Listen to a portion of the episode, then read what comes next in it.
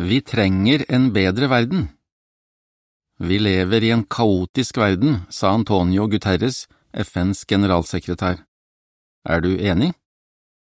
Vi blir hele tiden møtt av dårlige nyheter, pandemier og andre sykdommer, naturkatastrofer, fattigdom og sult, forurensning og global oppvarming, kriminalitet, vold og korrupsjon, kriger.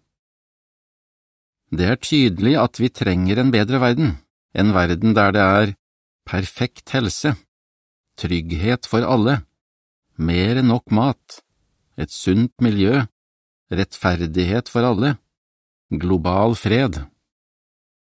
Men hva mener vi med en bedre verden? Hva vil skje med den verden vi lever i nå? Hva kan vi gjøre for å få leve i en bedre verden? Dette nummeret av Vakttårnet viser hvilke oppmuntrende svar Bibelen gir på disse og andre spørsmål. Artikkelen slutter her.